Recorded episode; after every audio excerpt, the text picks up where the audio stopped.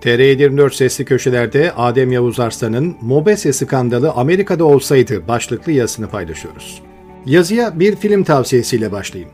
Eğer hala izlememişseniz Başkanın Bütün Adamları filmini mutlaka izleyin. 37. ABD Başkanı Richard Nixon'ın başkanlığını düşüren Watergate skandalını anlatan film Washington'ın en bilinen gazetecilerinden Bob Woodward'ın kitabından uyarlama. Peki nereden çıktı bu film ve Amerika'nın en tartışmalı başkanı Nixon'ın icraatlarına gönderme yapmak? Aslında cevabı basit. Geçtiğimiz hafta yaşanan kar fırtınası ve İstanbul Büyükşehir Belediye Başkanı Ekrem İmamoğlu'nun İngiliz Büyükelçi Dominic Chilcott'la balık yemeye gitmesi bana bu filmi hatırlattı. Erdoğan rejimi İstanbul kar esareti yaşarken İmamoğlu'nun balık lokantasında olması üzerinde kampanya yaptı ama buradaki esas skandal Mobese görüntülerinin hükümet medyasınca kullanılmasıydı.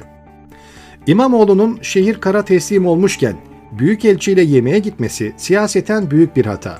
İmamoğlu'na mutlaka bir faturası olacaktır. Ancak iktidarın yaptığı suç. Çünkü güvenlik amacıyla kurulan kamera takip sistemlerini siyasi rakipleri takip içinde kullanıyorsunuz. İçişleri Bakanı Süleyman Soylu'nun ekibi rakip siyasi partinin belediye başkanını takip ediyor, görüntüleri yandaş medyaya servis ediyor. Özü itibariyle Nixon'ı istifaya götüren skandalla Mobese skandalı arasında bir fark yok. Erdoğan rejimi hem on binlerce kişilik troll ordusu hem de medyadaki hakimiyeti sayesinde skandalın bu boyutunu gözden kaçırdı. Rejimin muhalefeti ise böyle bir skandalı bile FETÖ sosuna bulayıp kullanmayı tercih etti. Düşünün, iktidarın polisleri sizin belediye başkanınızı izliyor, dinliyor ve bunları medyaya servis ediyor. Siz ortalığı yıkmak yerine rejimin diliyle e bunlar FETÖ taktiği diyerek saraya hizmet ediyorsunuz. Konumuz muhalefet olmadığı için bu bahsi burada bırakıp Amerika'ya dönelim. Peki böyle bir skandal Amerika Birleşik Devletleri'nde olsa ne olurdu? Kesinlikle çok şey olurdu. Bu noktada önümüzde yaşanmış tecrübeler var. Mesela Watergate skandalı. ABD Başkanı Richard Nixon siyasi rakibi Demokrat Parti'nin merkezine dinleyici yerleştirmeye çalışırken yakalanmıştı. Daha sonra ortaya çıkan ses kayıtlarına göre Başkan Nixon olayın örtbas edilmesi için FBI'ya baskı yapıyor ve adaleti engellemek için tüm gücünü kullanıyor. Türkiye'de konu yargıya bile intikal etmedi ancak Nixon azledileceğine emin olduğu için istifa etti.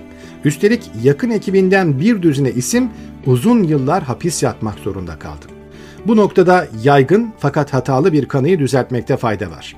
Eğer hangi ABD başkanı Erdoğan'a daha çok benziyor diye bir soru sorsanız, ezici çoğunluk Donald Trump diyecektir. Doğrudur, Trump'la Erdoğan arasında büyük benzerlikler var.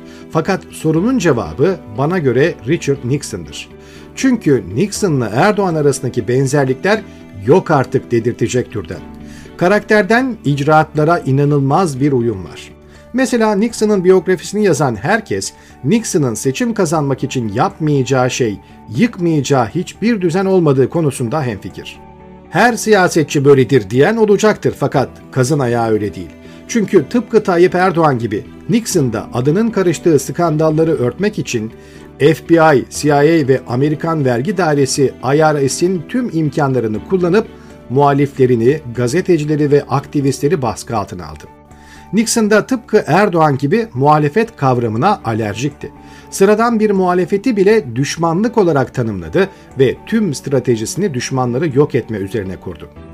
Nixon'a göre medya düşmandı ve mutlaka ezilmeli, saraya bağlanmalıydı. Öyle ki Watergate skandalının ortaya dökülmesi sonrası Washington Post'a çok kızan Nixon, Washington Post grubunun televizyon lisansını iptal etmeye bile çalıştı. Neyse ki Amerika Birleşik Devletleri'nde Rütük tarzı emir eri bir kurum olmadığı için bunda başarılı olamadı.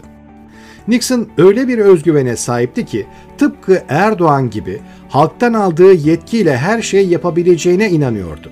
Hatta 1977'deki bir röportajında başkan olarak bir şey yapmışsam o artık yasa dışı değildir bile demişti.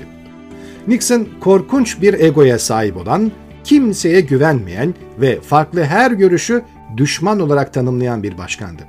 Güç ve kontrol bağımlısıydı. Paranoyakça saplantıları vardı.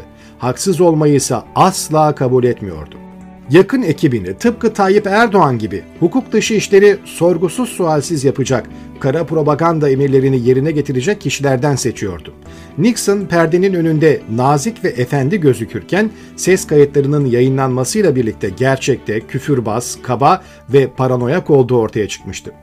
Amerika Birleşik Devletleri muhafazakar orta sınıfı kolaylıkla manipüle edebilen, girdiği her seçimi kazanan ve sessiz Amerikalıların sesi olma iddiasındaki Nixon, siyasi muhaliflerine karşı sessiz çoğunluğu meydanlara dökmekle tehdit etmişti. Hatta Beyaz Saray'da eylem planları bile hazırlatmıştı. Danışman deyince Nixon'ın da çok danışmanı vardı ve onların tek işi başkanı memnun etmekti. Öyle ki Nixon politik ihtiyaçlarına göre filtrelenmiş yazıları okumasıyla meşhurdu. Tıpkı Tayyip Erdoğan gibi Nixon da sadece kendi lehine yazılar yazan gazetecileri seviyordu. Başkan Nixon sevmediği muhabirleri attırmak için medya patronlarına baskı yapmayı bile ihmal etmemişti. Neyse ki ABD Nixon'ın akredite ve ambargo planlarını hayata geçirmesine imkan tanımamıştı. Fakat Nixon'ın muhalif gazetecilerin telefonlarını dinlettiği, FBI'ya takip ettirdiği de sonradan ortaya çıkmıştı. Nasıl ki Erdoğan'ın sır küpü varsa Nixon'ın da sırdaşı bir FBI başkanı olmuştu. Özetle Nixon'la Erdoğan arasındaki kafa ve icraat benzerlikleri şaşırtıcı derecede fazla. Bu yüzden Erdoğan'ın da Nixon gibi siyasi rakiplerini devlet imkanlarıyla izletip dinletip kumpas kurması şaşırtıcı değil. Asıl sürpriz hatta şaşırtıcı olan medya ve muhalefetin Mobese skandalı üzerine gitmek yerine rejim diliyle FETÖ sakızını çiğnemesi. Nixon, Amerika tarihinin en tartışmalı, bugün pek de iyi anılmayan başkanlarından. Bu sonuçsa medyanın, sivil toplumun ve muhalefetin mücadelesiyle oldu.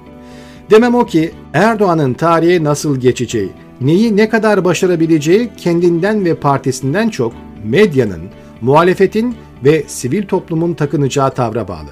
Bunun ilk adımı da rejimin dinini reddetmekten geçiyor.